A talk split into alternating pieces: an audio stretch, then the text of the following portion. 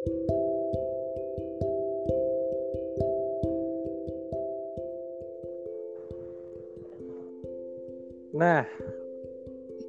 Nah, jumpa lagi take tiga.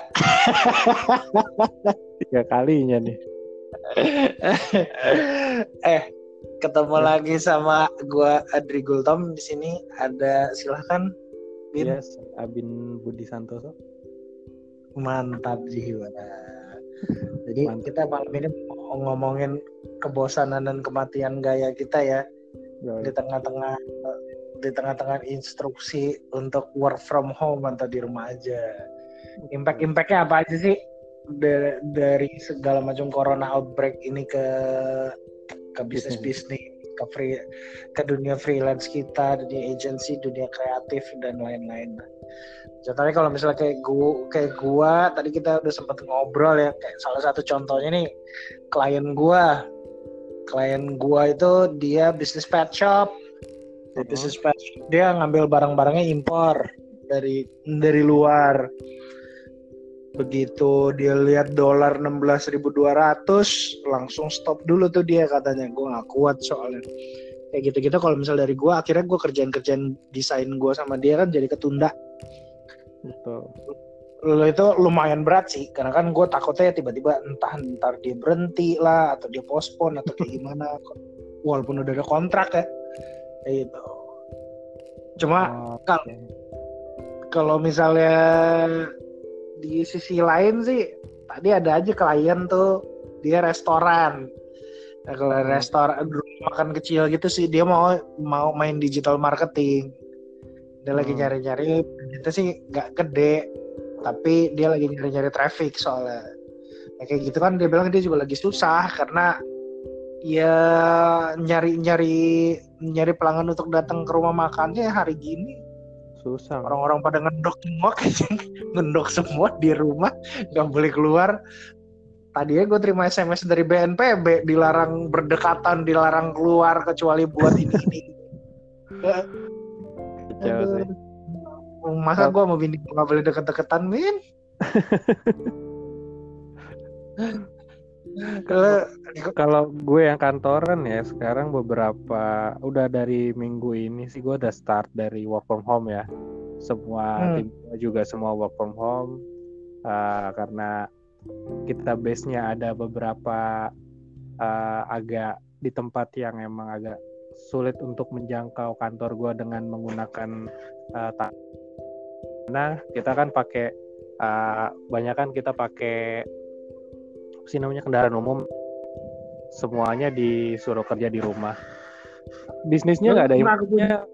Lagi bin? ketemu sama gua. Untung kita ke puncaknya udah berapa minggu lalu ya kalau sekarang-sekarang dimaki-maki kita sama netizen bin. Kita kalau di gue yang di fintech sih se- sejauh ini sama aja KPI-nya sama, ya. nggak ada perubahan. Sama, semuanya sama. Gila lu sadis. Tadi saya kantor lu PKI juga ya. Iya, Hmm, ya luar namanya biasa. dari Gimana rasanya jadi antek asing? ya perusahaan dari sebelah sono kan. Hmm. Jadi KPI tetap Eh. jalan. Tapi sih lebih bagus dari performance gua. Serius. Hmm, kenapa tuh? Setelah corona ini datang secara KPI gue ter uh, apa namanya overachieve malahan sempat di uh, kalau bisa jangan sampai lebihin deh dipas-pasin aja gitu. Terus secara cost juga gue lebih murah. Entah kenapa nih sekarang minggu ini gue overachieve apalagi gue sekarang udah mulai merambah ke TikTok kan ya gue pakai TikTok Ads. Hmm, itu pun juga powerful bagus banget. Hmm. Semua sih well ya tapi gue ngerti sih secara freelancer karena dulu gue jual freelancer gue juga pernah punya kayak semacam turbulensi yang kayak begini juga dulu Hmm. jadi uh, Punya gonjang ganjing. gitu. iya gonjang anjing kalau itu karena ini uh, uh, kalau gue dulu bermasalah dengan KPI waktu itu soalnya iklan gue terlalu vulgar Hmm. Terus? Ben? Bin. Halo. Lu kedengeran nggak? Ini baru kedengeran lagi. Oh, Halo? ya udah. Ya udah. Sekarang lu terlalu vulgar. Lu emang ini nanyangin bokep? Bukan. Kayak ada lah beberapa konten yang terlalu vulgar lah waktu itu gue ngerjainnya. Tapi Hmm. itu pun sebenarnya approval dari si klien sebetulnya. Ah. Hmm, terus? Karena ada masalah kayak gitu, waktu itu juga sama nih masalahnya kayak sekarang. Aduh, ini serba nggak pasti kan.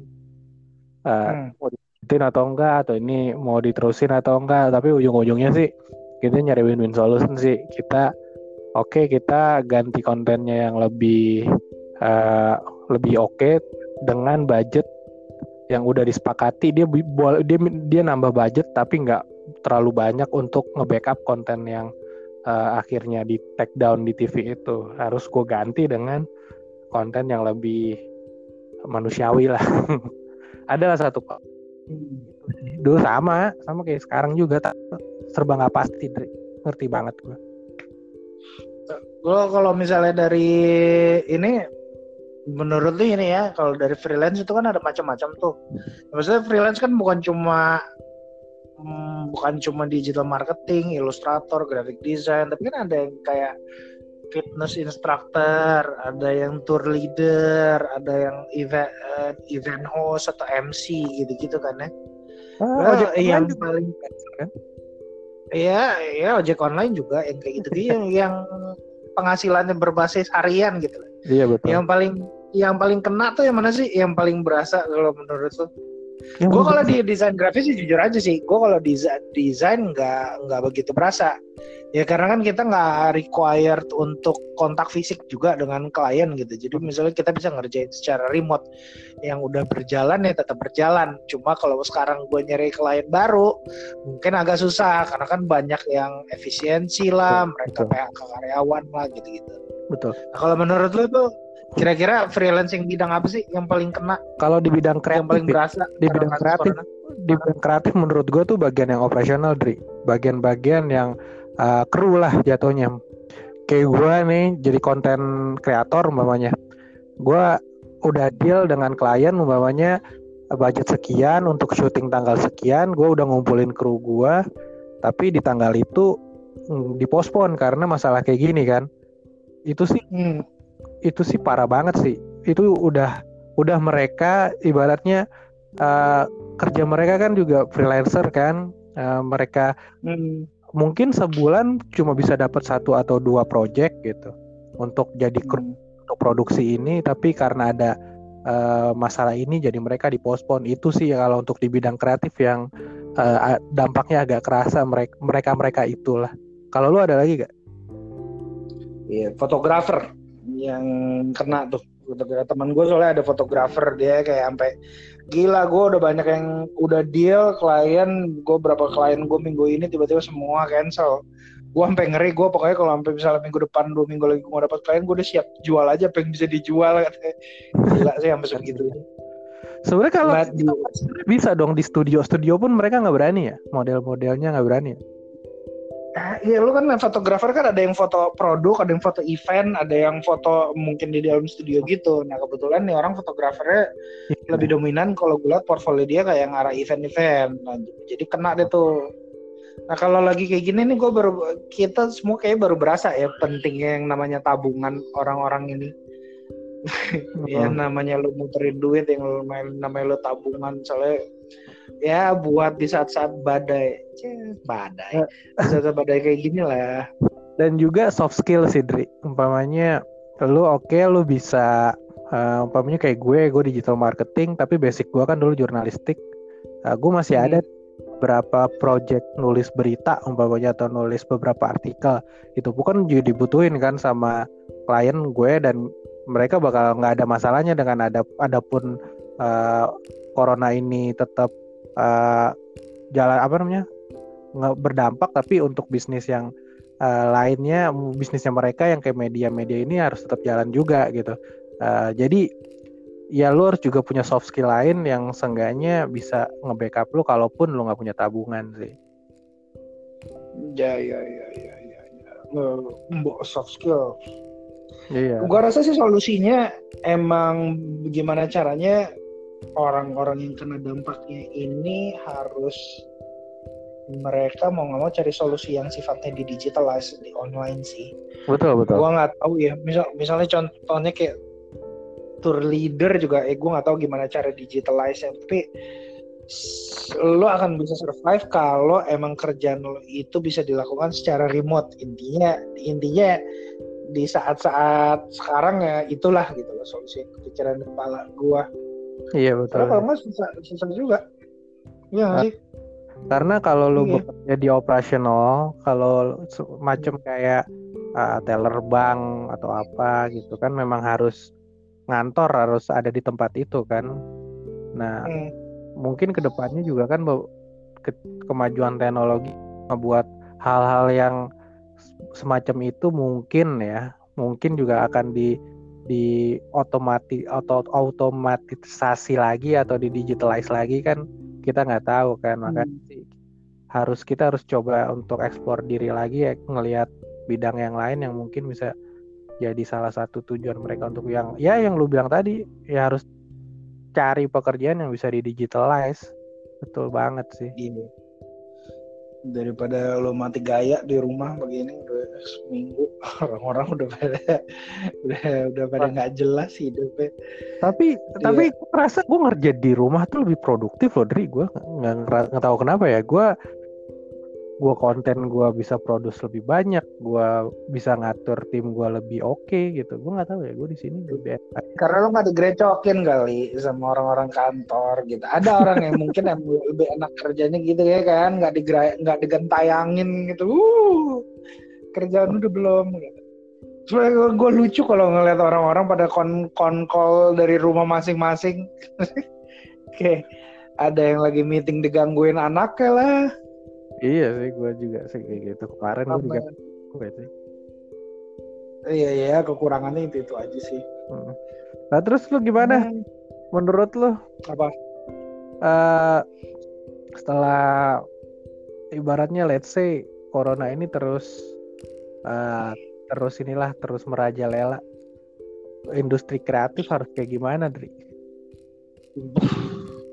industri kreatif ya. Gua kalau gini, kalau dari gua gini, kalau misalnya dari sisi freelance, gua rasa lu punya chance besar untuk survive selama selama lu udah punya network lu aja gitu. Yang mungkin baru mulai yang yang sekarang mungkin agak kesulitan gitu loh. But that if you have a strong network, paling enggak lu bisa lah buat survive bulan ke bulan gitu yang jadi masalah adalah kalau emang lu misalnya kayak fresh graduate, lu baru mulai meniti karir di freelance atau lain-lain di industri kreatif inilah. Cuma kalau misalnya agency, gua rasa sekarang agency juga kalau misalnya mau mereka mau hire mikir-mikir banget kali. Sedangkan perusahaan-perusahaan yang company yang udah establish aja yang pegawai ratusan orang mungkin ada beberapa yang udah lay off pegawainya udah di udah di PHK gitu. Apalagi ini kalau sampai jadi lockdown, orang kan jadi ekonominya makin ambruk gitu. Ini gue sih agak ngerinya ke depannya kalau misalnya emang terjadi lockdown. Gue rasa kalau misalnya untuk sekarang people orang-orang sih masih bisa bertahan lah ya, masih bisa bertahan dengan keadaannya kayak gini. Tapi kalau misalnya sampai lockdown, imbas ekonominya kan akan makin parah. Makanya ini sebenarnya mungkin konteksnya agak sedikit meluas sih, bukan cuma sekedar industri kreatif lagi, tapi emang lebih ke bisnis pada umumnya aja. Kita itu kalau dari sudut pandang gue lah, sebagai orang awam yang nggak tahu apa-apa tapi tebak-tebakan gue itu karena menurut gue sih corona ini dari kemarin gue mikir kok kayaknya lebih parah impact ekonominya dibandingin impact medisnya gitu Oh iya lu betul banget sih. Eh, karena mungkin ya ke- karena gue juga main saham kan ya, gue ngeliatin juga hmm. Hmm. kepercayaan orang akan suatu negara tuh dilihat dari stabilas stabilnya negaranya itu kan. Ketika Jangan dilihat dari stabilonya iya maksud gue ya, setelah setelah virus ini masuk kan, jadi orang yang di dalamnya kacau terus pasar juga ngelihatnya kan wah nih daya belinya turun atau gimana lah jadi Andri. Orang-orang ngeliatnya wah nih warganya orang dikasih tahu suruh di rumah pada ke puncak nih gelo-gelo nih warganya. Gila sih tapi kalau hmm. kalau lu bilang yang tadi sih uh, itu benar sih yang freelancer agak bisa survive dengan apa yang dia punya apa yang dia bisa kasih untuk agency sendiri sebenarnya bisa aja dia survive asalkan dia ngasih value yang lain ke perusahaan itu sehingga perusahaan itu bisa trust di situasi kayak gini nih dia masih bisa masih bisa lo lu dapat sesuatu di digi, yang bisa di kita digitalize gitu sebenarnya bi bisa hmm. ingat tapi itu dia lo harus kasih value lain yang ngebuat perusahaan ini percaya sama lo untuk ngejalanin apa yang lo udah apa yang lo rencanain untuk ngadepin situasi kayak gini gitu. Bisa aja sih. Ada beberapa klien ada ada beberapa uh, klien yang mungkin sedang mencari yang kayak gitu. Nah lu agensi-agensi yang dengerin ini ya lu coba lah ngasih value. Kalau gue saran gue sih gue kemarin sempat ngeposting juga di di Instagram gue mengenai lu nyari klien itu lo namanya nyari klien tuh ada yang ring satu ring dua ring tiga hmm. ring satu itu kan yang ada di paling dekat sama lo lah keluarga teman-teman lo ya kan Betul. Lo bisa approach mereka, kasih profile lo, kartu nama, lo tanya apakah mereka butuh jasa lo, apa pun betul. ya freelance-nya. Iya betul. Ring kedua ya lebih ke afiliasi dari ring satu. Teman-temannya tuh dari temen lo, kenalannya dari saudara-saudara lo, kayak gitu. Kalau hmm. misalnya emang lo cukup kredibel di ring satu, biasanya lo masuk ring dua gampang. Nah yang terakhir itu ring tiga itu yang bener-bener orang asing. Lo cara nyarinya sebetulnya freelance sekarang kan udah banyak tuh website Behance, Dribble, terus uh, Fiverr untuk freelance freelance gitu dan it's it's real man gitu lah lo bisa benar bisa dapat job di situ di luar dari itu akan sangat freelancer itu punya skill untuk digital marketing makanya gue selalu bilang penting banget lo bisa at least ya lo bisa Facebook Facebook ads karena dari situ lo bisa dapat leads lo bisa cari conversion kalau lo punya website gitu untuk ngontak lo dan lain-lain. I think it will help kalau lo mau keluar sedikit duit kalau lo berani gambling sedikit. Bukan gambling juga sih, pasti ada resultnya. Tinggal lo gimana monitor dan ngontrolnya aja. Jadi maksud gue karena kita terbantu sama teknologi sebenarnya itu. Iya yeah, benar sih benar sih. Apalagi kalau lo hmm. emang lo terjun bebas di dunia freelancer ya, uh, lo tuh harus hmm nggak bisa lu cuma bisa desain doang lu nggak cuma bisa ini doang sih itu ya, lu bisa survive kayak gitu tapi untuk dapat ring tiga tuh kayaknya agak sulit kalau lu cuma bisa satu skill doang ya bisa beragam lah misalnya ya kalau kayak kayak gue ini basicnya di, di cafe tapi gue bisa web development gue bisa digital marketing juga gue bisa menulis puisi dan mengarang lagu berkhotbah aja ya. Iya, Nanti kan album saya. Asik. Album religi. Abis lebaran gitu. iya. Sekarang tuh tapi emang ini kok untungnya kayak kalau yang generasi milenial gitu yang kerja ini kebanyakan orang anak-anak ini gue lihat mereka emang multi skill gitu deh. Jadi yang emang mereka di set yeah, skill set mereka itu adalah untuk unicorn kita sebutnya pegawai unicorn betul, betul. pegawai-pegawai yang punya multiple skill set bukan cuma di satu bidang tapi mereka bisa berbagai betul, bidang. So, so I think in general secara umumnya orang-orang bagaimanapun keadaannya akan survive sih dari keadaan kayak gini. Yeah. kita imani dan kita amini sajalah. Yeah. ada amin saudara-saudara?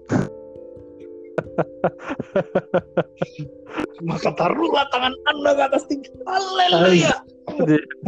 Terus gue bisa berdiri ya? Ya ya paling itu aja sih yang kita mau bahas. Gue rasa bagaimanapun intinya ya mungkin kita bisa ambil dari percakapan singkat tadi hmm. biar gimana pun uh, keadaan sekarang ini gue rasa kalau lu punya modal skill sedikit dan kemauan sedikit untuk nyari klien gitu hmm. either lu agency atau ini ya atau lu freelance ya uh, atau kantoran itu akan sangat-sangat membantu sih. Gua rasa keadaan kayak gini ya sementara mungkin mungkin bisa sampai lebaran atau atau lebih but eventually kita bakal lewat lah gitu keadaannya kan lebih baik. Tapi buat sekarang ya nabung-nabung muter-muterin duit. Betul. disayang, disayang sayang itu duit. Untuk lo yang di dilus-lus wih sayang. Untuk yang sekarang lu belajar belajar hal yang baru lah. Ya siapa tahu Iya. kan Iya. Ya, amal hikmahnya mungkin sekarang lo yang kalau kerja kantoran lo di rumah, sekarang ada waktu lebih buat keluarga. Betul. Ya.